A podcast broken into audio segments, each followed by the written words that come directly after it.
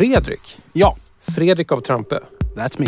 Det är grymt att du äntligen är här. Ja, det känns jätteroligt att äntligen få vara här i en av mina absoluta favoritpoddar. Smicker kommer ta dig långt, men vi får se hur det här går. Hur Det har känns din påse med fem billiga begagnade vinyler? Den känns jätterolig och eh, ganska, ganska varierad tycker jag. Men menar du alltså funny peculiar eller funny haha? Någon liten bit är väl kanske funny, funny peculiar. Det kanske man kan säga. Men nej, mest funny på ett sätt som att det är, väldigt, det är bra material att prata om. Det lå- lånar sig till långa utläggningar mellan mig och Tommy Jönsson i DJ 50 spänn. Det finns mycket intressant att säga om ganska många av de här plattorna tycker jag. Du har ju alltså utfört uppdraget att köpa fem billiga begagnade vinylskivor i fem olika kategorier Mm. för maxbudgeten 50 spänn.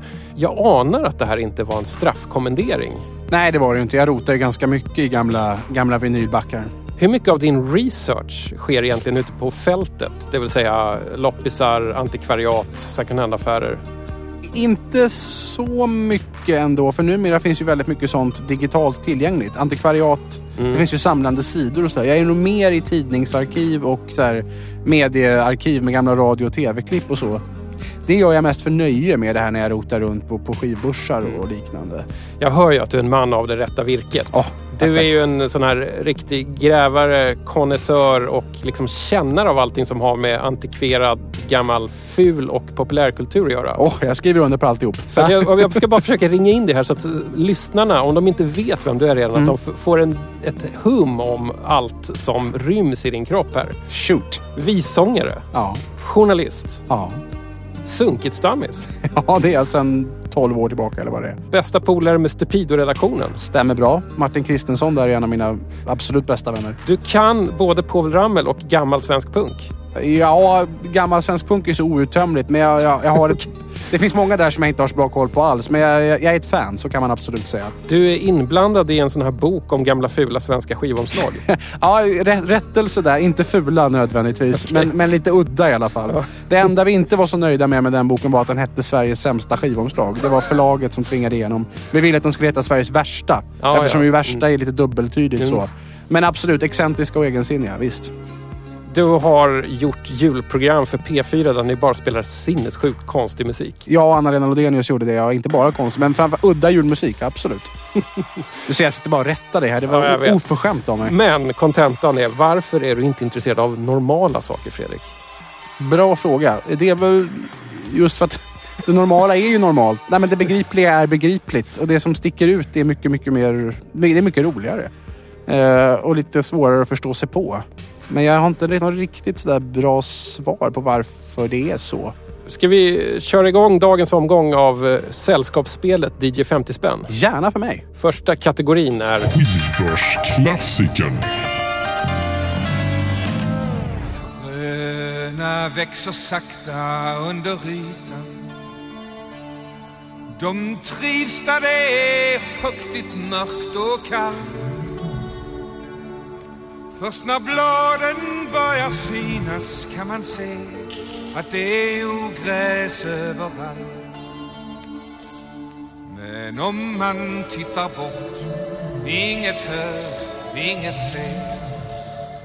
Hur vet man då? För hör man inget finns väl ingenting. Och det man inte ser finns säkert inte till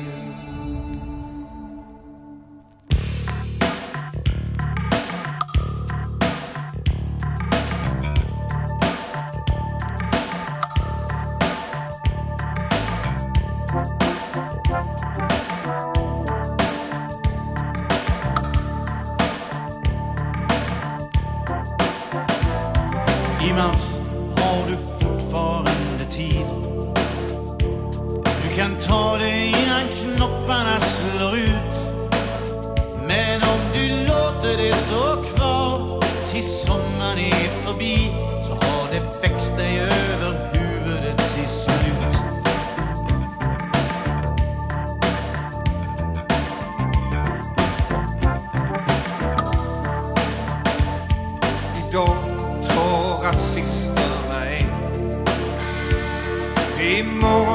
Så tar de kanske två.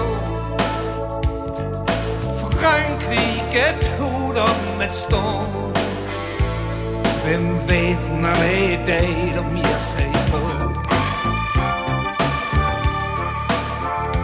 Vakna upp, fatta mod, börja se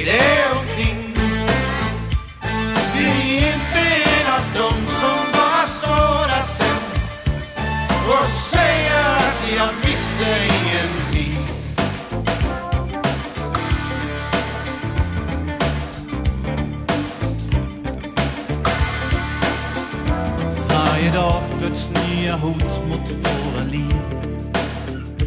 Varje morgon står missilerna klara. I det mörker som vi blundar, där röstar de för krig. Hur kan vi slåss ifall vi inte inser faran? Idag har du arbete och lön. Imorgon så kanske du får gå. Miljonerna som svälter i världen utanför står bara lite längre ner i samma hål. Vakna upp, fatta mod,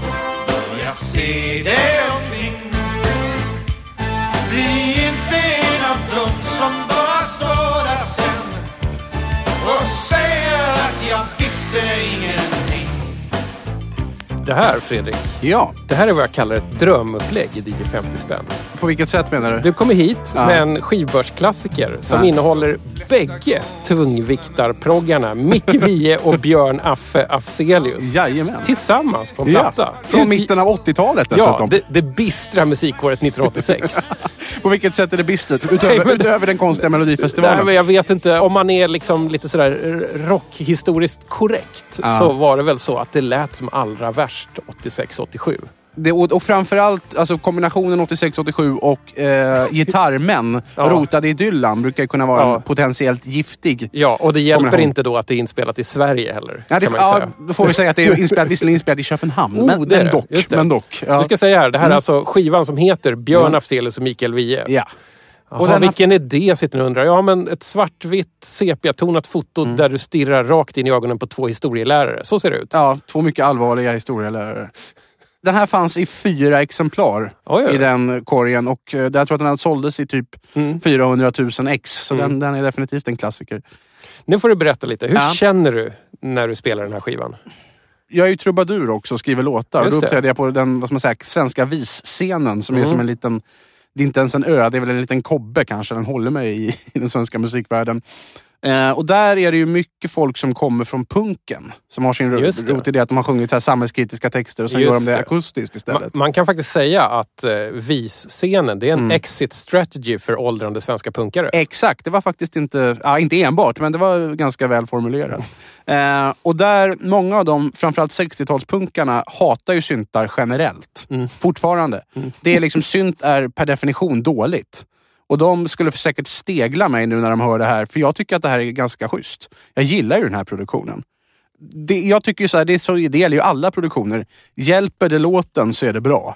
Hjälper det inte låten, då är det mindre bra. Men jag skulle säga att den här plattan, trots att den är gjord när den är gjord, det finns en låt och det var den här svensktoppshitten som finns på den här skivan. Det fanns två i och för sig, men eh, Som en duva. Ja,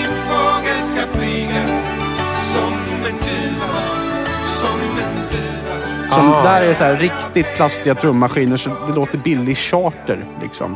Och där, där skulle jag säga, den hade nog svängt mer om den hade spelats in några år tidigare, några år senare. Eh, men ju- just här tycker jag det bara är pff, jäkligt skönt så här funk-groove, eller vad man ska säga. White man's funk. Ja, men, eh, med nå- någon så här skön Prophet 5-synt tror jag det är. men jag håller med. Ja. Den, den har ett lite konstigt sväng trots allt. Du hade väl någon spaning där angående om man hade gjort en akustiskt versus liksom? Ja, men just den här låten Ja. hade, hade ju blivit bara Yet another eh, lägerelds politisk eh, ballad. Det är ju en, eh, en låt som jag tror att Björn Afzelius och Micke Wiehe plockade upp. Mm. Ja, det är det. när Peggy var- Seeger. Precis. Song of Choice. Och det är vi som har skrivit den svenska texten. Just det. Och hon, Peggy Seeger, sjöng den på den här alternativa. Melodifestivalen Exakt. 1975. Och det var väl där vi hörde den, för jag tror att Hoola, Hoola Bandoola spelade där.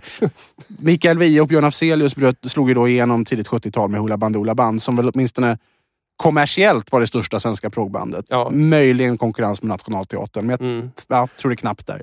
Men det roliga är ju då att folk gärna tror att Wiehe och Afzelius är typ en och samma grej. Och så var det ju Nej. inte riktigt. För Hoola Bandoola Band hade ju lika gärna kunnat heta Mikael Wiehe Band. För det var, Mm. han som skrev, det var han som skrev låtarna och han är ju liksom känd för att han arrar varenda ton av sin musik. En riktig pedant. Riktigt pedant. Och det får han väl vara. Det är han Mm. som har skrivit låtarna. Det är jag fine med. Men Björn Afzelius där var ju liksom sångare och stod och slog på tamburin. Och sjöng Mikael Wiehes låtar de första åren. Mm. Ja. Men det var Wiehe som inspirerade honom till att skriva egna låtar. Och det ledde väl också fram till att Ola splittrades. För Ja. Wiehe var ganska njugg mot Afzelius låtar. Ja, var det någon som bestämde i Hoola Bandoola Band så var det Mikael Ja. Wiehe. Och sen så hade de ju varsin solokarriär. Där Wiehe då, Wiehe har alltid varit en sån där som liksom jobbar jättelänge med sina texter. Väldigt vägt vartenda ord på guldvåg. Och han experimenterade ju jättemycket med syntar där. Det började väl med den här vocoder madnessen där i Flickan och kråkan och sen fortsatte det. Men Afzelius liksom skrev på magkänsla fort. Liksom, Allt ska ut, lite lundelskt nästan. Ja, just. Och sen han hade han det här jättebra kompbandet Globetrotters som var liksom ett rakt rock Ja, rockpopband. Så de var ju väldigt olika på det sättet. Wiehe tyckte Mm. att Affe var för konventionell och Affe tyckte att Wiehe var för traditionalistisk. Det man har förstått att det här var en ganska knepig platta att spela in. Det var en hel del diskussioner om hur det skulle låta. Jag minns den här skivan från när den var färsk. Okej. Mina tonåriga då, öron, hatade det här. Det här var ju så Okej. jävla okult och så jävla mossigt. Jag tänkte verkligen högstadielärare när jag hörde det. Men när jag hör den nu Ja. så tycker jag att så jävla illa är det inte. Den här låten har det här liksom stiffa eh, 80-tals lite sterila men ändå lite sköna. Och sen tycker jag att det här är väl en väldigt bra tidsbild. Mitten på 80-talet. Proggens ideal lever kvar. Ja. Man skramlar ihop pengar till ANC och sen det, lite senare på innan, dagen ja. så gör man en skalbolagsaffär till, till tonen av syntmusik. Det, det där samexisterade ju. ja, och texten har ju inte tappat i aktualitet alls. Det är ju snarare Nej, den var tvärtom. ganska kuslig faktiskt. Ja, den känns, den känns mycket mer aktuell idag till och med än vad den gjorde då. Nej, det är en... Och ska vi kanske påpeka då som en liten kul kuriosa att vi hör, hörde Hannes Råstam, eh, sedermera känd undersökande journalist på bas. Där. Han, han var ju. Affes husbasist i, i väldigt många år. Så var det ja. Ja. Så han är med på den här skivan alltså? Det finns till och med tror jag, en dokumentär om när de spelade in den, om, med just klipp från när de spelade in den här låten. Mm. Och de sitter och tjafsar om hur det ska låta. Och, och, och Råstam sitter med, det här med sin bas i knät och bara, idag har det bara varit ett jävla harvande för att få till det här. Det är svårt. Vi får nog ta det några år till ser du. Men jag vill gå tillbaks lite till den här, eh, alltså de här två olika personerna. Ja. Mikael Wiehe, Björn Afzelius. Absolut. Det är ganska lätt att tänka att man kanske då tar någon av de här sida. Mm. Jag vill nu tvinga in dig i ett ganska obehagligt, fiktivt och kontrafaktiskt scenario. Okej. Det är början av 70-talet Ja. i Malmö. Ja. Du arbetar som brandsoldat. En sen kväll går larmet. Det brinner i Hoola Bandoolas replokal. Gitarristen Peter Klemmidsson, slagverkaren Håkan Skytte, multiinstrumentalisten Povel Randén, basisten Arne Frank och batteristen Per-Ove Källgren. De har redan hunnit ta sig ut. Mm. Men Micke Wiehe och Björn Afzelius är kvar där inne. Avsvimmade av röken. De kan inte ta sig ut. Du har fått på dig rökdykarutrustningen. Ja. Och du ser på brandens förlopp att du kommer bara hinna rädda en av dem. Vem konkar ut? Det beror lite på vilket skede pratar vi om här. Har, vi- har Hoola Bandoola hunnit släppa en platta? Ja, Det, det har de. Om, om man gillar Mikael Wiehe så tar man Mikael Wiehe. Mm. Och om man gillar Björn Afzelius måste man ändå rädda Mikael Wiehe för att han sen ska inspirera Björn Afzelius. Fast då, fast, fast då måste man ju lämna kvar ja. Björn Fan. Nej men jag skulle ju rädda Björn Afzelius då. För han, Wiehe hade nog hunnit tända gnistan. Har jag någon musikalisk guilty pleasure så är det Björn Afzelius. Vad intressant. Ja, Även det. hans låtar som sen kommer alltså, på 80-talet och har verkligen den här dansbandsfeelingen. En del av studioplattorna skulle jag nog inte vilja lyssna på ens tror jag. Mm. Men, men live med det här Globetrotters-bandet, finns någon liveinspelning som låter skitbra. Nej men grejen, grejen med Björn Afzelius för mig var, Dels var Björn Afzelius väldigt bra på att skriva melodier som fäster. Och det i kombination med att han hade ett väldigt starkt så här, bultande hjärta. En lite så här, nästan Tage Danielssonsk, utan några jämförelser i övrigt, grej att detta vill jag säga nu. Det här tror jag på. Det här känner jag för. Ibland var det helt åt helvete. Han ångrade sig långt senare. Bad om ursäkt för vissa låtar. Framförallt när Tankar i Havanna, tror jag, en 70-talslåt. Där han hyllar Kuba på ett sätt som han sen inte riktigt tyckte att han kunde stå för. Men det är, liksom, det, det är lite som en frälsis, frälsislåtar. Det är liksom, jag tror på det här, det här är så starkt. Och så är det väldigt sångbart. Det är, liksom, det är väldigt passionerat och det är bra melodier. Och då blir det så att jag gärna sitter där och lyssnar och diggar. Tycker, ja, ja, ja. Även om det är liksom rader som, det var vi som gick och boxade, det var vi som stod och joxade. Kom igen, man kan inte rimma så liksom. Skulle jag nog annars gärna tycka va. Om det inte hade varit lika bra melodier Men och inte lika Björn, mycket mm, så det här står jag det. för. Ja men lite så faktiskt. Eh, jag nämnde Som en duva som var en svensk toppshit, men det finns ytterligare en svensk toppshit på den här Vänta, plattan. vil- vilken är det? Det är Mitt hjärtas fågel. Då flyger mitt hjärtas fågel Då stiger Den är ju tydligen, vilket jag inte fattade förrän jag läste det på Vies hemsida, men det är ju Every Breath You Take som har inspirerat till den. Se där. det hörs inte riktigt tycker jag, men, men det var tydligen så. Men vadå, hur inspirerat? Har de gjort en stalker-låt här? Nu måste jag ta Nej, fram nej, det, nej, det är ingen stalkerlåt alls. Men enligt Vie själv så var det bara att jag försökte musikaliskt göra min version av Every Breath You Take. Aha. Men det som jag tycker är roligt är att han var väldigt tveksam till den. Och Afzelius tyckte den här ska vi spela in. Och Mm. vi bara, nej jag vet inte. Och sen någon dag när Vie inte är i studion så arrar Affe den och spelar in den och sen får Vie lägga på sång. Annars hade den aldrig gjorts. Nej, men på sin hemsida skriver vi att oj, sen blev den och eh, Som en duva svensk toppshit. Och då kände jag, oj, det här var ju lite svårt att tugga i sig för en gammal proggmusiker. Jag misstänker att han har lite svårt att tugga i sig att en låt som han inte har arrat från ax till limpa det blev en svensk toppshit. Om jag någon gång bumpar in i Micke Wiehe på gatan, då ska jag fråga om det inte förhåller Mm. sig så. Jag har suttit eh, bredvid honom på en John Cale-konsert i Malmö. Men jag var för feg för att ställa frågan. Nu blev det eh, mycket progg-gigantsnack här. Ska Ja. vi ta lite light musik? Mycket gärna för min del, ja. Random Access Vinyl.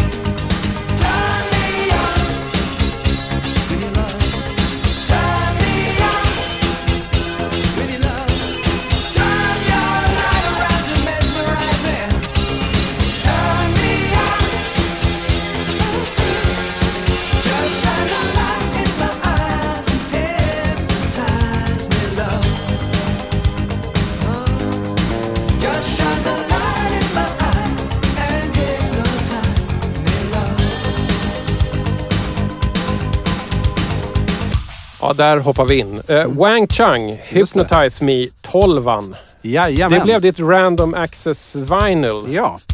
Så jag vet inte vad jag ska säga om det här. Lite generiskt 80-tal. Ja, alltså mitt, min, det här är liksom själva definitionen av generiskt 80-tal får man nog säga. Det här, och det här är liksom tråkigt generiskt 80-tal. Ja, det, det låter lite som vilken skiva som helst från Ja. 1986, 87, 88. Ja, det här är från 87 tror jag. Ja, det stämmer. Vissa sådana här produktioner från den tiden kan ju, det har vi pratat ju om tidigare nyss Ja. här med Via Afzelius. Vissa grejer kan ju låta så hysteriskt överdrivna när man hör Mm. dem och så man liksom sitter och Men det här är ju bara tråkigt. Mm. Det här är bara, tycker jag, totalt intetsägande. Det finns liksom ingen hook i melodin. Det finns ingen röst att hänga upp sig på som är lite speciell. Texten är inte något så särskilt roligt heller. Det är liksom totalt habilt och flat. Men den här skivan kom Ja. till dig av en slump kan Ja. man säga. Eller var det en högre makt som gav dig den för att den ville säga dig någonting? Ja, men så, här var det att jag tycker att jag har ganska bred smak. Men det finns ju sådana här genrer som jag inte har koll på alls. Jag är jättedålig på hiphop, jag är jättedålig på reggae, jag är jättedålig på hårdrock. Nu fanns det här på Atlas Records så fanns det ingen särskild liksom, sån back. Nej. Det som står uppmärkt med det. Jag tänkte men det här, här har vi en back som ser lite sådär. Här är det lite maxisinglar och eh, det ser lite 80-talssprakande ut. Här kanske man kan få upp någon, liksom, någon eh, Fight the Power eller någonting sånt. Som är lite, nej, men någonting hiphop-relaterat som går att snacka om. Så jag blundade och så fick jag upp Wang Chang. Ja. Som då alltså, namnet till trots, är ett fullständigt kaukasiskt band. Det är två glada engelsmän. Var köpte du skivorna förresten? Jag köpte skivorna på Atlas Records på Sankt Eriksgatan precis innan bron där. I stråket av skivbörsar? Det finns väl en fyra stycken tror jag där bara på det, den lilla biten mellan Sankt Eriksplan och Sankt Eriksbron. Mm. Ganska länge, jag tror till och med det står på skylten där CD-börs. Mm. Och det är lite skojigt men fram tills halvår sedan kanske så hade, hade de bara CD-skivor. Det är, det är en förändring som har skett med jättemånga butiker att nu står liksom CD-sarna en trappa ner och vinylerna Mm. står framme. För det är det som folk vill köpa. Mm. Det är en lite kul butik också för att de har öppet mellan 12 och 18 varje dag men har också en timme lunchstängt. Eh, någonstans mitt i detta och det kan vara lite olika. Tidigare tränade jag på gym på andra sidan bron nämligen. Så när jag var på väg hem tänkte jag ah, nu kan man titta in och handla plattor. Nej, då var det lunchstängt. Nej. Vid 14-tiden. Kom man tillbaka någon annan dag när- vid 3-tiden, ja, då var det också lunchstängt. Men de är väldigt trevliga och de har väldigt mycket grejer. Och nu senaste halvåret då så har jag tror att de har typ fått in en eller möjligen flera närradioskivlager, gamla vinyllager. Just den här plattan kan Ja. vi kolla här. Det här är alltså från OSK-radion, OSQ-radion. Det vill säga teknis, Tekniska högskolans egen lilla radiostation. Just det, deras studentkår ja. Den är till och med uppmärkt. Den inkom den 3 7 87 eh, och har BPM 119 står det på en sån här liten OSK-radion klisterlapp på omslaget. Eh, men det gör att man kan, de har, vräker ut skivor i ganska bra kvalitet och man kan hitta jättemycket bra grejer där för 10 spänn styck. Mm. Ja, men det är fantastiskt trevligt. roligt. Så det var, det var därför jag gick dit. För jag insåg att här kan jag nog få en ganska rolig skivskörd och lite varierad också. Mm. Jag har verkligen försökt hitta något intressant att säga om Wang Chang. De var ganska, eller ganska, men de var lite stora i USA tror jag. De hade några hits, den här Dance Hall Days Mm. och Everybody Have Fun Tonight. Det mest intressanta som jag hittade där Mm. ha- handlar ju inte ens om dem utan i ett tidigare band som hette 57 Men. Då var Glenn Gregory med. Han som sen började, senare då började sjunga i Heaven 17. Just det. det här just det. trotskistiska syntpopbandet. Med namn från Clockwork Orange. Ja, Mm, exakt. Ja, ni, ni hör ju, vi har ingenting att säga om Nej, vi Wang har Chang. absolut ingenting att Vi, säga om Wang Chang. vi, vi kör nästa kategori. Vi gör det tycker jag. Nostalgiköpet. Blå Stetson-hatt Sidenkravatt Och blanka skor Och gabardinkostym Sen är man klar för diskotek Man doftar kar Av Aquavera herrparfym där har de undertröjor, mässingsmycken, mockabrallor utan någon kalsong. Mycket hår och hög musik och flimmer och ett jävla håll. Och om man säger får jag lov till någon dam? Får man till svar ett hånfullt flin. Fast man tagit på sin bästa mellangrå kostym av gabardin Vid 33 är man passé? Vid 35 så kan man hälsa hem. Vid 40 jämt. Är man ett skämt och högre upp så åker man väl på en propp. Men om man nu inte vill dö vid 30 års ålder då? Om man inte nöjer sig med att sitta i stadsparken och mata duvor och titta på småflickor i sandlådan, vad gör man då? Ja, någon sån här broderad skjorta kan man ju inte köpa för de gör de ju bara i barnstorlek. De verkar ha så kul de där långhåriga sakerna. Man blir så förskräckligt avundsjuk. Man får väl vänta vid sitt vattenhål på döden som en gammal elefant. Eller måste man till Sundbyberg och dansa tango med en? Det är kanske bäst att man ger upp och lägger av och inser djungelns hårda lag. Hänger sig i slipsen när förorenar närmsta vattendrag med Stetsonhatt sidenkravatt och blanka skor. Och gabardinkostym av gubbens bara kvar en manlig doft av Aquavera herrparfym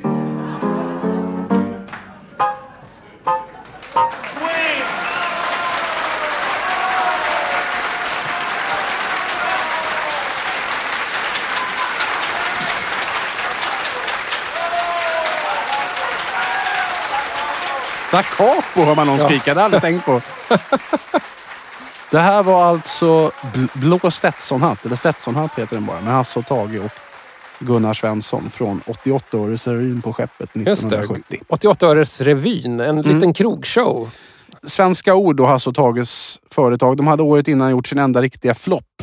Inte konstnärligt, men, men kritikermässigt, som hette Spade Madame, som gick på Oscars.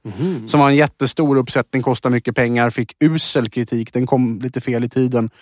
Ehm, och efter det så kände de att då måste vi göra en liten grej nästa gång. Så då gjorde de den här på den lilla restaurangen Skeppet ute i Värtahamnen. Och det är alltså bara de tre. Det är Hasse och Tage och som kompas av Gunnar. Rätt tung regissör för föreställningen också. Gösta Ekman, ja. Mm. Just det. Och hans fru Fatima tror jag var med och koreograferade lite. Och det här brukar ju ofta anses av många vara, om inte deras bästa revy, så i alla fall bland det bästa de gjorde. Jag är beredd att hålla med om det. Varför det? Den är väldigt rolig. Det är väldigt bra sketcher, det är väldigt bra sångnummer. Hasse och Tage var väldigt musikaliska, det, det, det glömmer man lätt. Men sen så har det ju här också ett nostalgivärde för mig, därav köpet. För jag lyssnade igenom skivan för första gången nu på väldigt många år. Och jag hörde ju då att det finns så många uttryck från den här föreställningen som liksom har fastnat i min familjs standardvokabulär. Mhm. Det är så här små, ofta så små grejer. Ah! Poäng! Eller ör, ör! Eller coola ner dig Vrigis, coola ner dig. Och en massa andra sådana där saker. Små, små grejer som liksom vi säger till vardags. Och vissa av dem helt obegripliga om man inte har hört 88 öres revyn. Hördu, jag har lyckats ta reda på här Mm. eh, att den första skivan som fick det verkligen blown away var en platta med Helmer Bryds Quintet. Helmer Bryds Eminent Five Quartet heter de faktiskt. Alltså, okej, ja, ja. Varför de, det är säkert någon så Hasse och Tage-skämt som man inte begriper riktigt. Men Mm. då undrar jag lite, hur var din barndom egentligen? Tänker du, hur då, hur då menar du? Generellt eller musikaliskt? Nej, men hur hittade du det här in i din barnkammare? Du, du är inte jättegammal. Nej, inte det. Du har inte rullator. Nej, definitivt inte rullator. Och jag var bara ett år när Tage Danielsson dog. Det var väl så här, mina föräldrar har en väldigt bred och väldigt bra musiksmak.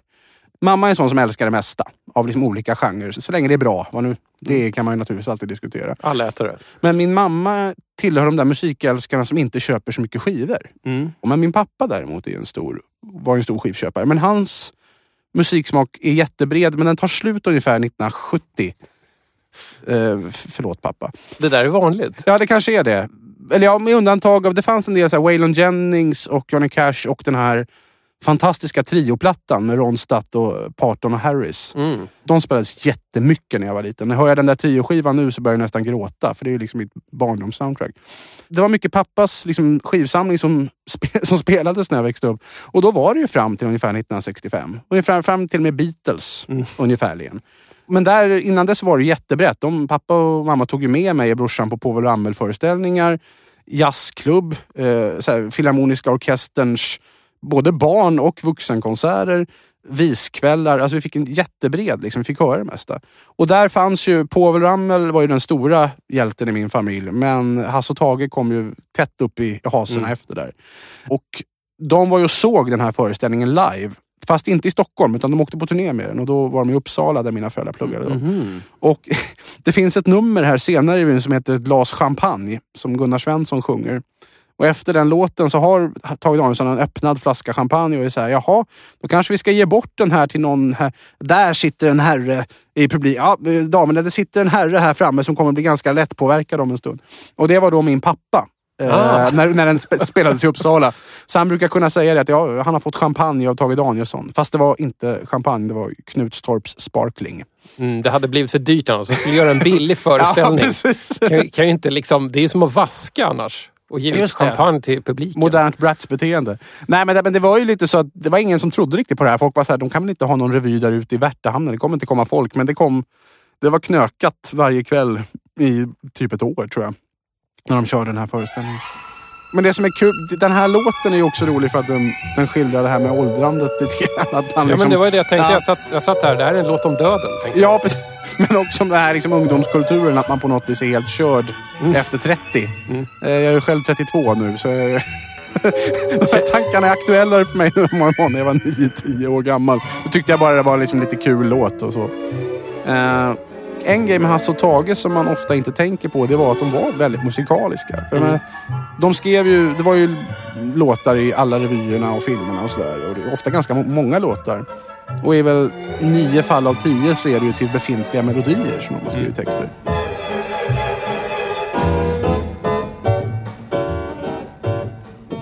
Den här heter ju Velvet Glove. Velvet Glove. Original. Och fin- finns faktiskt i en tidigare svensk version som Min enhandskade kärleksdröm. Eh, ja, den har jag lagt upp på Youtube. För det var faktiskt som den gråt. saknades där. Den tyckte det. Jag tyckte den skulle upp. Hasse Alfredson brukar nämligen påstå att den som hade skrivit den texten typ 15 år tidigare är den som alltid har fått alla stimpengar Mhm. för den här versionen. Vilket jag dock inte riktigt tror att det kan vara sant. Det låter ju jättekonstigt.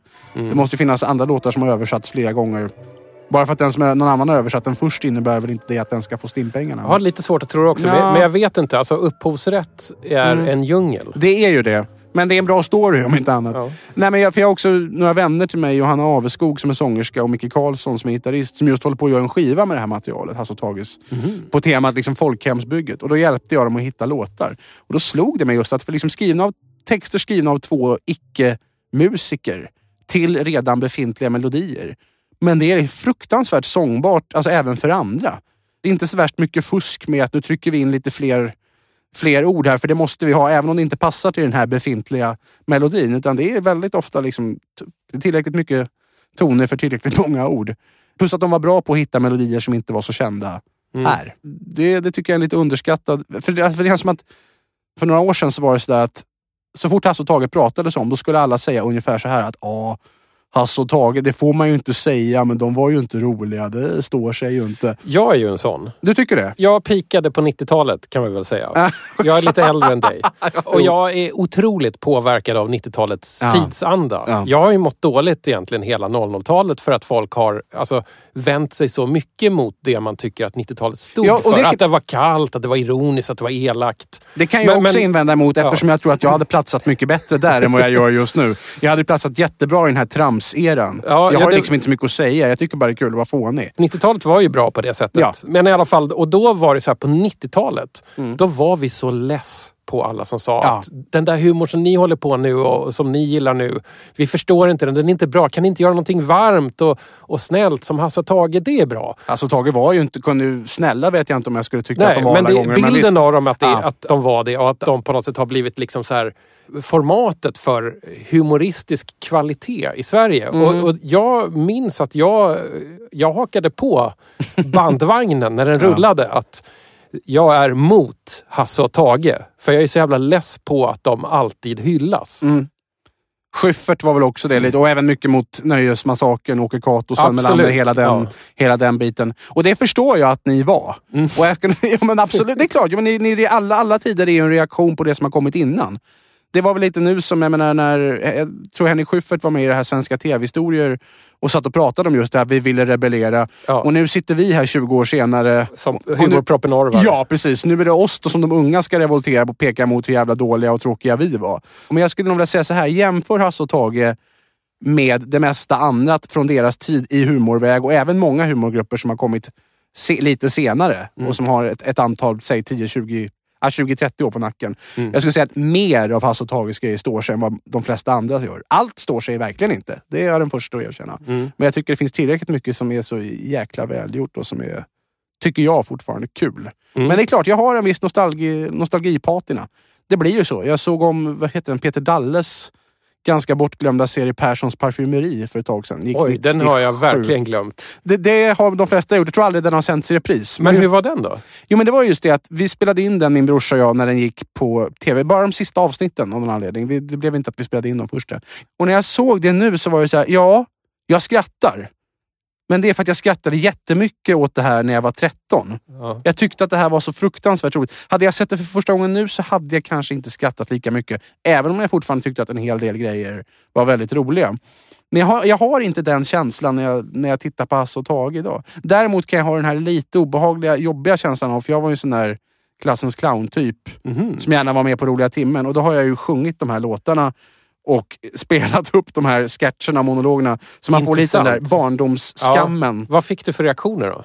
Folk tyckte nog att jag var konstig, men jag fick eh, skratt också. Folk tyckte, Mm. tyckte att det där var väl roligt. Men de tyckte nog mest att jag var lite knasig och det var jag, var jag väl ganska bekväm med. I och för sig, att folk tyckte. Du, jag spränger in en liten grej här. Mm. Jag ska dra lite State of the Nation i DJ 50 spänn land. Gör det, då dricker jag lite kaffe under tiden. Så här, jag sitter precis just nu och skissar på hur DJ 50 spänn ska låta och fungera och drivas i framtiden. Och därför gjorde jag nyligen en liten lyssnarundersökning där jag frågade om hur ni lyssnar, var ni lyssnar och varför ni lyssnar.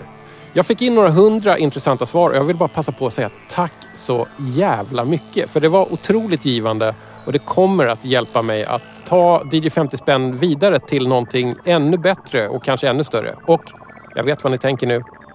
Jag kommer inte lägga ner det här formatet. DJ 50 spänn Classic kommer finnas kvar, men det kanske kommer en Cherry Coke DJ 50 spänn eller något liknande. Och är det så att du vill fylla i lyssnarundersökningen och inte har hunnit göra det, jag håller den öppen ett tag till. Så gå in på min sajt eller kolla min Facebookgrupp så finns en länk där. Du har inte nickat till va Fredrik? Nej, verkligen inte. Men jag tänkte bara säga att du får absolut inte lägga ner det här formatet. För här är ju Nej, men det- alldeles fantastiskt. det. Jag brukar ju ha, jag har mina så här faktureringsmåndagar när jag sitter och gör mina pappersjobb. Det är den dagen som man liksom kan... Då lyssnar på DJ 50 Ja, det är då man lyssnar. Men det är klart, för det, det, det, då, då gör man som mekaniska sysslor så att man liksom kan ha en podd på i bakgrunden utan att störa sig. Och då är DJ 50 spänn jättebra, för då upptäcker man en massa ny musik. Och sån här, eller ny, men, men ja, det förstås som man, man inte har hört tidigare. Ellen Foley och Ja. Alf Robertsson. Nu ska vi rulla in i nästa kategori för jag måste nog höra lite popmusik igen. Eller ska vi säga Adult Contemporary? Det kan, kan vi absolut säga. Chansningen.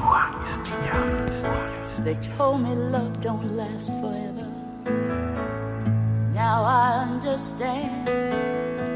To think that only yesterday you held me in your hands, and I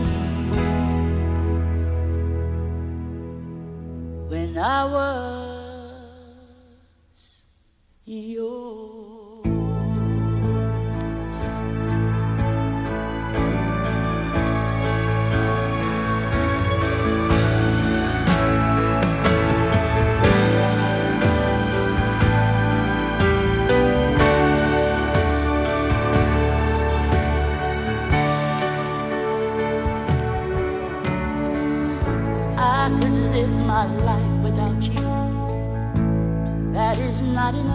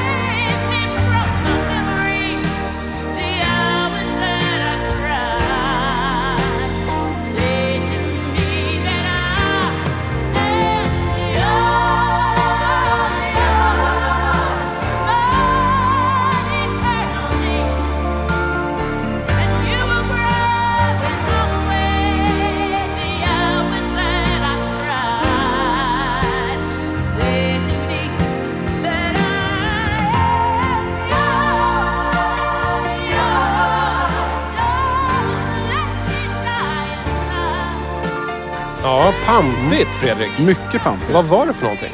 Det här var låten Yours med Dionne Warwick från plattan Heartbreaker Just från det. 1982. Det stora feta Heartbreaker-albumet. Japp, som nu är aktuellt. Ska komma ut på nytt tror jag i någon sån här bonusutgåva. Ja, läste det ska remastras och Ja. förpackas på nytt. Bonusspår och sånt där. Varför eh, chansade du på det här albumet? Ja, det här var alltså den, den sista plattan jag tog. Mhm. Och då hade jag insett att okej, fem plattor varav fyra då var snubbar. Ah. Alltså performers. Nu var det Mm. visserligen Peggy Seeger har ju skrivit den där Vie-låten. Men, eh, och då kände jag men då måste vi ha en kvinna. Det Mm. får inte bli för, för hur gubbigt som helst här. Så då bör- började jag bläddra där och det var så att det finns en alldeles utmärkt sida som heter radiogodis.se som du väl känner till också? Ja, då, jag har varit inne där och Ja. försökt leta efter gamla märkliga program. Ja, det, det, det är en fantastisk resurs som har lagt upp jättemycket gamla bra radioprogram. Och någon, det bland annat en massa sommarprogram. Mhm. Och någon gång så, jag vet inte riktigt varför, men jag tänkte, jag lyssnade på, jo, men jag lyssnade på ett program med Christer Lindar. Hans sommarprogram. Ja, ja. För jag hade sett honom i Stjärna på slottet och tyckte han verkar ju väldigt intressant och liksom sympatisk. Så. Och då pratade han just om Dionne Warwick och spelade en låt från en platta som kom året innan det här som heter Hot Live and Otherwise. En sån här blandad live och studioskiva. Och då spelade han då den här I know I'll never love this way again. Storhitten i en fantastisk Mhm. live-version. Riktigt pampig och bra. Och jag tyckte det här var jättebra. Så den hade jag med på en massa playlists och sådär. Så tänkte jag någon gång måste jag ju kolla in Dionne Warwick lite närmare. Mm. Men så, det, det finns ju så mycket musik Jag och så vet. mycket kultur och så lite tid. Så när jag nu hittade den här plattan tänkte jag, ja men då så. Då är det ju då är det klockren chansning för det här programmet då. Att liksom Mm. lyssna in mig lite mer på Dionne. Och det är jag väldigt glad över att jag gjorde. Jag är väldigt nöjd med att jag tog den här plattan. Fast jag förstod sen att den, har varit med, den var med här nyligen. Det var den. Ja. Då- spelade vi singellåten Heartbreaker. Heartbreaker. Jag trodde först att Heartbreaker var en cover på den här Pat Benatar-låten. Som också Larry David gör i Seinfeld. Heartbreaker! Ja, ja, ja. Och sen så finns det en låt som heter It Makes No Difference. Och då tänkte jag att det var The Bands gamla. Mm. Och då tänkte jag att oj då. Då, då är jag jätterolig. Tänkte att herregud, har hon, har inget ont om Dion då. Men att hon skulle co- covra den med en 80-talsproduktion. Tänkte jag, hjälp hur ska det här bli? Ja, ja. Men det var ju inte det. Det här är ju Bee Gees-killarna. Ja, Rakt- precis. Nästan rakt igenom tror Du, jag. du hade inte fått det med mot att det här är i princip en Bee Gees-platta. Med- jag blev jätteglad för att jag upptäckte John. Nu har jag lyssnat mer på hennes 60-talsgrejer och sådär. Mm. Och det är en helt otrolig performer. Alltså en jäkla fantastisk röst och oftast väldigt bra material då av, av Bacharach på 60-talet och så Mm. vidare. Sen kan jag tycka att den här plattan är liten påse blandat. Det finns vissa låtar som den här och Heartbreaker och All the love in the world och Take the short way home som är jättebra. Sen finns det mycket som liksom bara tycker jag är ganska slätstruket. Mm. Och det var, men det var en av anledningarna till att jag valde att spela just den här låten. För jag tycker mest om Dionne Warwick, har jag upptäckt nu när jag har lyssnat igenom en hel del av det hon har gjort. När det är det här stora. Hon är ju sån här som, där de stora gesterna verkligen passar. Hon är själva antitesen till Kai Pollak. Det är, Nej, men det, det är liksom, hon är mår hennes konst mår liksom bra av stora svepande gester. Jättestort uttryck. Okej, n- nu är jag med. Ja, precis. Så det gillar jag. Det, det finns ju i den här låten, men man hör lite att det ändå... Det hade kunnat fläskas på ännu mer. Den är lite fången i studion och lite fången i 80-talet ändå. Ett litet tips till alla som har ett musikarkeologiskt intresse är att leta reda på Barry Gibb-plattan som heter The Heartbreaker Demos. Det är alltså Barry Gibbs demos till alla låtarna som sen spelades in av Dionne Warwick och blev den här skivan. Just det. Väldigt kul lyssning. Bitarna trillar på plats och man fattar ju att det här egentligen är en Bee Gees-platta till rätt stor del. har du hört den? Nej, jag Då- såg, då jag såg jag- om den på Wikipedia, men jag har inte hört den. Den absolut bästa demon är ju när Barry då skiss-sjunger Heartbreaker. Det här är väl inte Barry? Jaha, det är eunuckrösten.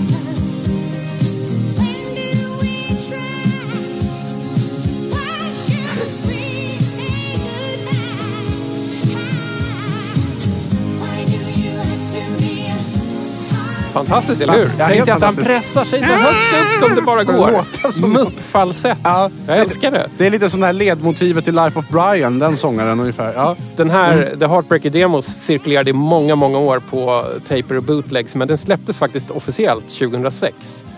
Lite svårare att få tag på eh, i Sverige för den finns inte på svenska iTunes Nej. eller svenska Spotify. Men Nej, Jag, måste, jag kände genast, jag måste leta rätt på den här bara från den här lilla smakbiten.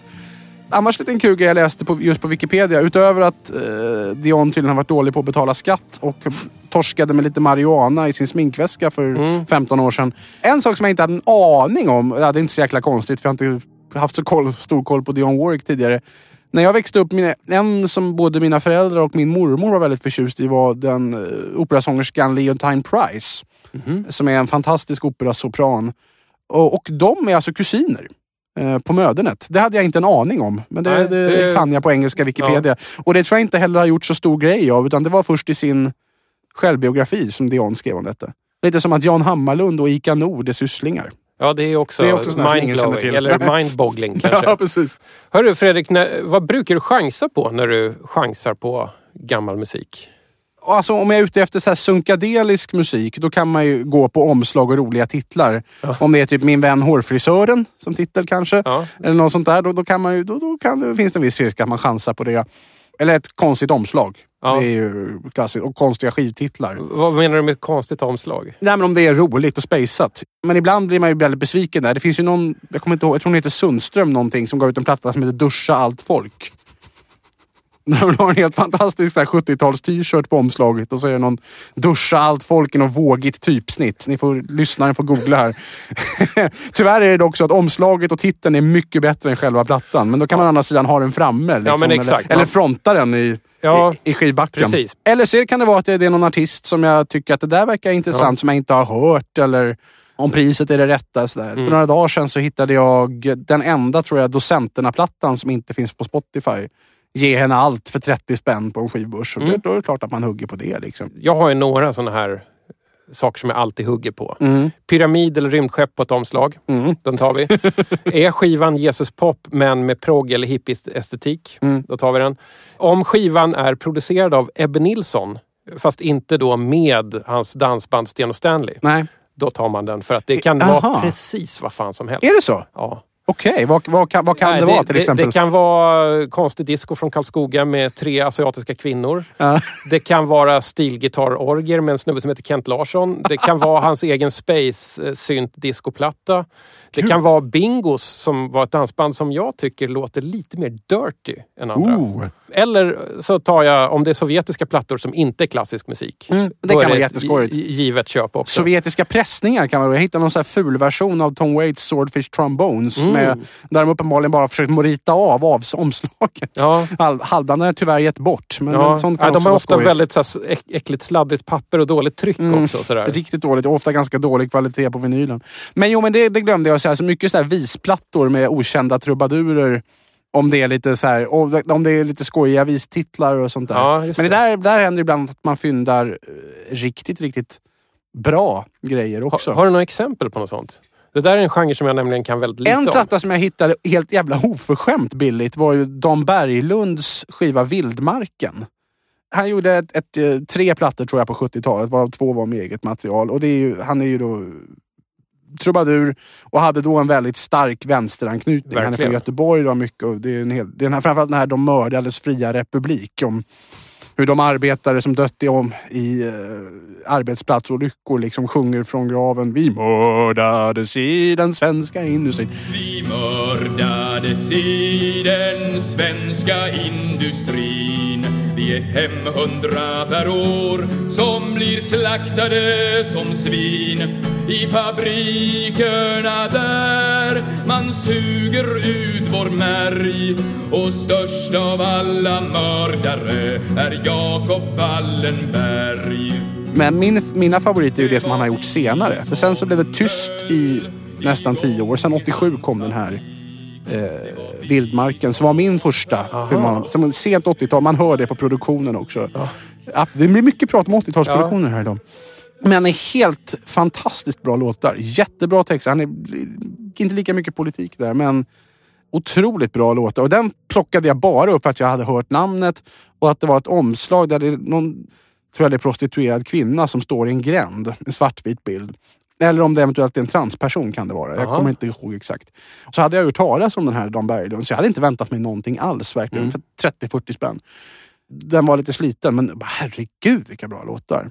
Och sen har han gjort ytterligare två plattor på 00 och 10-talet som jag varmt kan rekommendera alla att lyssna in sig på om man inte har gjort det. Det är jättebra grejer. Det är en av våra stora svenska trubadurer skulle jag säga. Jag fattar inte riktigt hur, hur vi tog språnget från Diane Warwicks Bee Gees producerade platta till Dan Berglund. Men så går det till i DJ 50 spänn. Och det är vi väldigt glada för. Nu Fredrik av Trampe, bara en skiva kvar. Ja. Och jag är lite spänd för det har blivit dags för... Fyndet. Vill du säga någonting innan vi igång Ja, den? här var jag lite i valet och kvalet faktiskt. Eh, För det, jag nämnde Ronny Karlsson tidigare. Jag hittade en av hans plattor för 10 spänn. Och då tänkte jag att det hade ju kunnat vara kul att lägga upp. Men sen så hittade jag då, om man nu hittar en av de, i mitt tycke, bästa svenska singer-songwriter-plattorna på vinyl för 10 spänn, då är det liksom en no-brainer. Jag ska inte ligga lik Jag ska brinna när jag ska dö Då äntligen kan flammorna slå ut. När allt är slut. Och det brinner en eld inom mig. Jag ville men fick inte ro om dig. Så nu älskar jag allt som vill växa och leva och kan lämna det som varit bakom sig. Jag ska inte ligga lik. Jag ska växa när jag ska dö. Och då äntligen kan grenarna slå ut. När allt är slut. Jag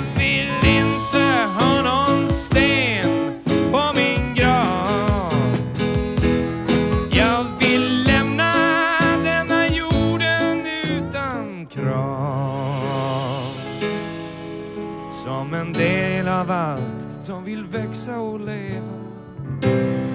När jag tuppar av ska jag inte ligga lik. Jag ska älska när jag ska dö.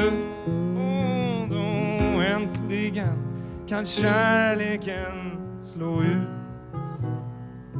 Och när allt är slut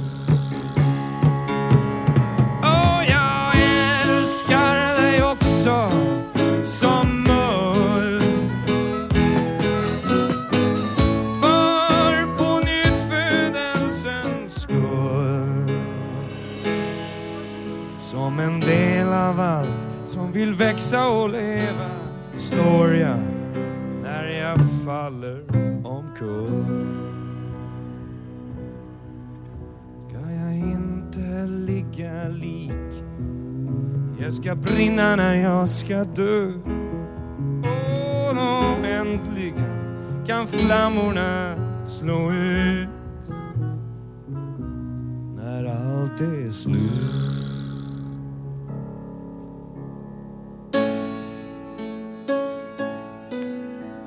Fyndet. Mm. Fredrik, berätta. Vad var det här? Det här var Jag ska inte ligga lik från skivan Motsättningar från 1979 med Robert Zero Broberg. Just det. Robert Brobergs Zero-period. Ja, han tog sig alltså Zero som andra namn i det här Mm. sammanhanget. Eh, Det vet jag för att jag tittade upp honom på Ratsit en gång när jag ville intervjua honom för några år sedan. Jaha. Varför är den här skivan ett fynd för dig? Det är en av mina absoluta favoritplattor, svenska favoritplattor. Eh, Och den har inspirerat och betytt jättemycket för mig.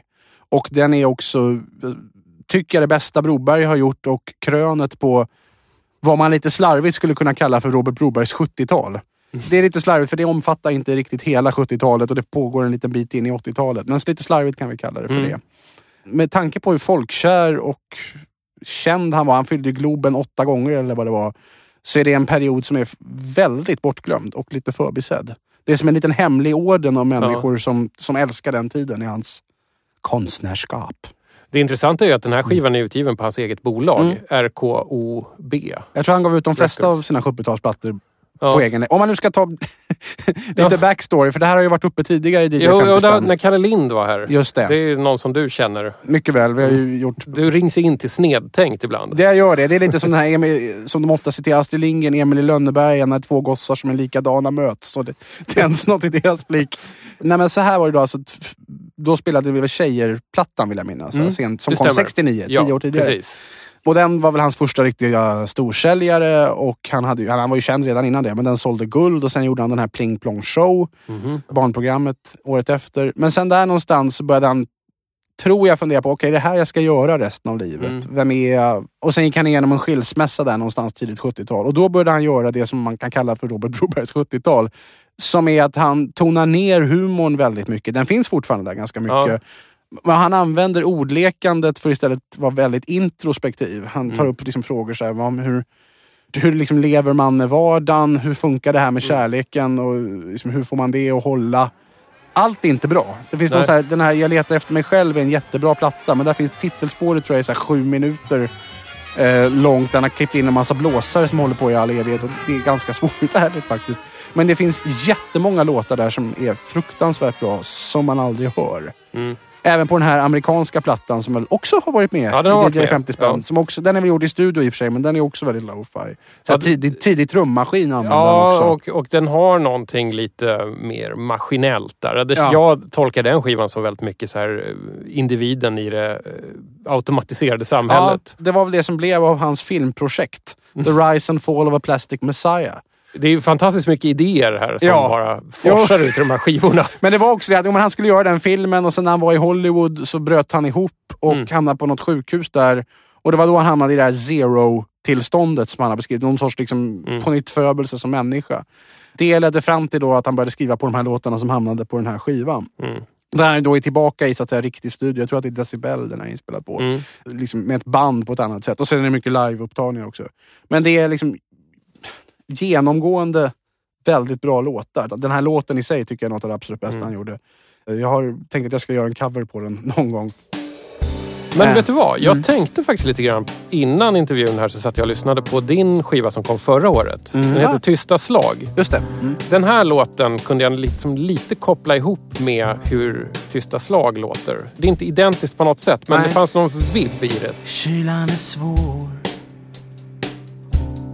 Fönstret är tunt Försöker så Hålla värmen kvar Vad finns det av Robert Broberg som kan ha sipprat in i din musik tror du? Nu kommer jag låta extremt självgod här. Ja, men varsågod. ja, jag tycker att jag är bra på att skriva texter och att jag har en liksom bra sinne för språk. Ja. Det är ju inte bara Broberg då, det är många andra som har inspirerat till det. Men han var ju viktig. Mm. Men jag tror också hans liksom på de här plattorna, det sätt han tar sig an allvarliga ämnen på med en blandning av humor och allvar och med visst med en språklig precision. Eh, det har nog sipprat in. Det har påverkat mig jättemycket. Många av låtarna från den här perioden har jag ju lyssnat jättemycket på. Sen vet jag, det är lite kul att jag vet att Tony Holgersson, en annan svensk singer-songwriter, han släppte en platta för några år sedan. Sentimentalsjukhuset heter den. Och där vet jag att han tänkte covra den här Ja. låten.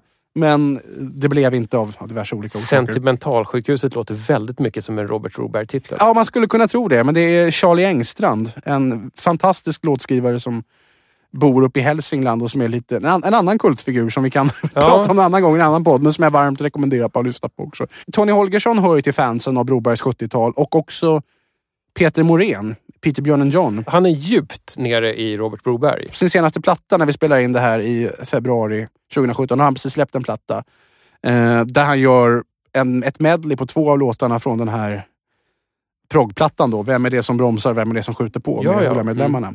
Den, nu blir det väldigt mycket trivia här, men, den, Ja, men varsågod. Eh, på Record Store Day för några år sedan så var jag inne på Pet Sounds och bläddrade i deras sk- skivbackar. Och då hittade jag just den, Vem är det som bromsar, vem är det som skjuter på? Och den hade jag väl redan, så jag tänkte nej, det ska jag inte. Och så precis när jag ska bläddra vidare så säger jag, vänta lite, det är en liten sån här fiskar, det är en liten sån här, kommer du ihåg? Din och min generation minns nog de här eh, guldfärgade klisterlapparna Jajamän. med svart text Mhm. på som man hade på sina böcker, ofta med sina, Mm. sitt namn och telefonnummer om man hade tappat bort dem. Det är en sån. Och i, i fet svart text står det Per Gud. Och det är då Stig Vigs alias. Det här är Stig Vigs privata exemplar av den här skivan. Så då köpte du den? Ja, såklart. Ja. Det måste man ju bara ha i det läget.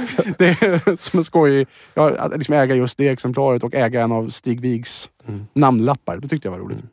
Jag tyckte det här var en fantastisk låt Ja. förresten. Jag ska inte ligga lik. Och Den den är är, jättebra. ju väldigt inte rolig. Verkligen inte. Det är ju dels, det är som Fonus Vita arkivet. Jag vill bli kremerad, punkt. Men sen är det också att döden kommer som en lösning på Ja. den olyckliga kärleken och det var ju lite heartbreaking här. Det är heartbreaking. Döden, åtminstone i någon sorts Ja. metaforisk mening. Bara därför kommer jag att tänka på, det finns... eh, De, han gjorde i samband med den här också en föreställning som jag tror heter Circus Zero. Mm. Som gjordes på Cirkus och som jag tror man kan titta på på Youtube. Och där, där är både Johannes Brost och Kjell Bergqvist med.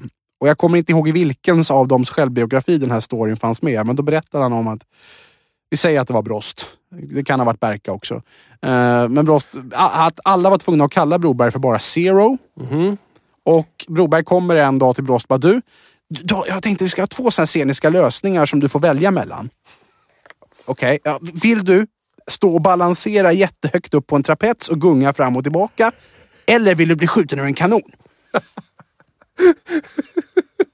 Trapets, säger Brost som absolut inte vill bli skjuten ur någon kanon.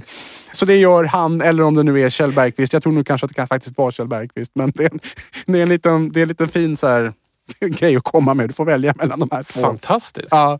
Den föreställningen är lite också på sig blandat. Men just liveversionen av den här låten som finns med är riktigt bra. Men det här är väl tredje gången som Broberg är med då? Ja, precis. Och jag har ju min eh, stenhårda regel här, three strikes, you're out. Så Mm. att eh, Robban Broberg placeras i utvisningsbåset. Mm. Jag har inte bestämt hur länge, om, om det här egentligen är bara ett embargo i hundra avsnitt eller om det är för alltid. Men han är i gott eh, sällskap med Lill Lindfors, Grace Jones, Billy Idol, Eva Dahlgren, Gilbert O'Sullivan, Barbara Streisand, Jackson Brown och Gösta Linderholm. Just det, Där Gösta. har du en annan Gammal- härlig trubadur typ. Gammal Vaxholmare, precis som jag. Honom och Lena såg man ju väldigt mycket Ja, Vaxholm. de hade ett café också som var väldigt Ja, dyrt. det hade de. De tog livsnjutande till Sverige kan man säga och då kostar det ju. Du Fredrik, Mm. dina fem loppisplattor är spelade. Kaffet är kallt, Ja. askfatet är nästan fullt. Solen gick ner för länge sedan. Personalen har börjat moppa golvet. Tiden går snabbt när man spisar billig slaskvinyl. Jag tänkte testa en ny grej i DJ 50 Mm. Ja. spänn. Uff, alla formatfascister eh, där ute som älskar eh, de klara reglerna skruvar på sig nu. Men, men häng med här. Mm. Ja. Ett önskemål som faktiskt har dykt upp i den här lyssnarundersökningen från flera är att många önskar att gästen som jag bjuder in faktiskt ska få ta med sig en egen skiva. Mm. Köra lite show and tell. En skiva som man älskar eller som har varit viktig. En bonusskiva utöver de fem loppis eh, Mm. eller skivbörsvaxen för 50 spänn. Så jag bad dig att ta med en eh, skiva som varit viktig för dig. Vad blev Ja. det? Ja, det här är ju väldigt mycket show and tell för det är ytterligare en, en manlig singer-songwriter. Alla de som är bekanta med det svenska popbandet Peggy Lejonhjärta, de känner väl till den här låten. För Peggy har ju en låt som heter Spår nummer 6. Som refererar till spår nummer 6 på Tom Waits platta Closing Time, hans debutalbum.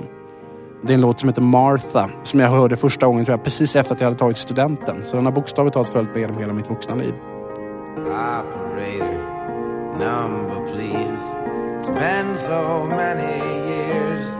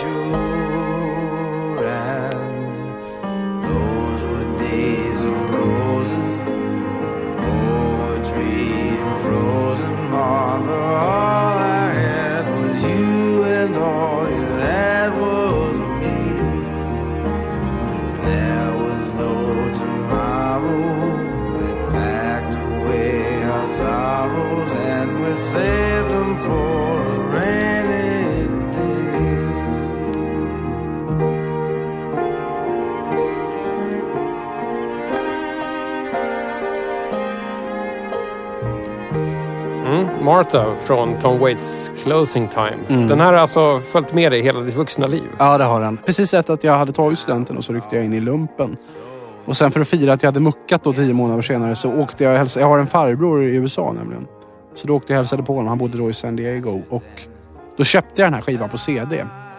Och Tom Waits kom ju också från San Diego och det hade jag ingen aning om då. Nämligen. Men det var något väldigt speciellt i att lyssna på den här väldigt så här sunkiga barplattan. Det är väldigt mycket så sound på den här plattan när man gick runt där. Jag blir ju nästan tårögd bara av att sitta här och höra den nu.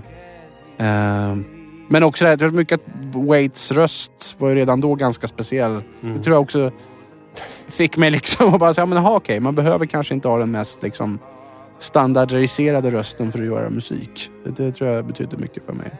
Det här är en sån här platta som jag kan lyssna på när som helst. Den passar till alla lägen i livet och den har inspirerat mig mycket. Och fick mig att börja spela, inte gitarr, men ukulele. För jag tyckte gitarr verkade så svårt. Fredrik av Trampe, tusen tack för att du var med i DJ 50 spänn. Stort tack för att man fick vara med. Det här var ju jätteroligt. Du har ingenting emot att vi kör lite James Last på slutet va? Verkligen inte. Jag älskar James Last. Vad blir det för någonting? Du har hört den förr.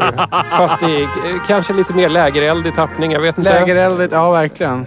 Eller re- reklamfilmer. Just det. Det här är en reklamlåt nu för tiden. Ja. Det får man inte glömma. Du, jag drar lite eftertexter på uh, Guantanamera. Jag som är programledare, producent och uppfinnare av DJ 50 spänn heter Tommy Jönsson. Och det här programmet görs på produktionsbolaget Rundfunk Media i Stockholm. Det trevliga ljudet tackar vi Beppo ljudproduktion för. Du som lyssnar får jättegärna höra av dig med rosor eller tistlar valfritt. Mailadressen är hej dj50spann.se. Det finns också en Facebookgrupp som heter DJ 50 spänn. Det är bara att likea den så syns i ditt flöde. Och jag finns också på Instagram och på Twitter. Snabel DJ 50 spann heter jag där. Sök och du ska finna. Ta gärna sista chansen att fylla i lyssnarundersökningen också. Länk finns på webben och i mina sociala jävla medier. Jag är snart tillbaks igen. Glömde säga, en, en sak som jag kan tillägga där. Att, eh, vem har skrivit en svensk text till Martha om inte Mikael Wiehe? Ja, som Ebba Forsberg sjöng in på en Tom Waits tolkningsplatta för några år sedan. En väldigt bra svensk text. Ja. Och det var sådär så att jag nästan inte vågade lyssna eftersom det har varit en sån jätteviktig låt för mig. Men vad den, den, är du då? ja, den är jättebra, hans svenska text. Det är sådär som, jag har ju själv försökt ge mig på att översätta den men det blev aldrig bra. Det ska, man, man kanske inte ska göra det med så heliga låtar. Men vi har lyckats jättebra med den sången. Så det, Han har ju upp. lite vanan inne faktiskt att göra försvenskningar nu. Han han är Ja. väl en av de som ändå fixar det. ja, ja, men det tycker jag. Och då hade han väl precis gjort både Dylan och Cohen både åt sig själv och på Thames. Jag tror att han gjorde det när ungan var uppe lite. Nu väntar vi bara på att han ska göra en nya. Ja, det vore någonting. Fast det kanske inte är finns en stad i North Ontario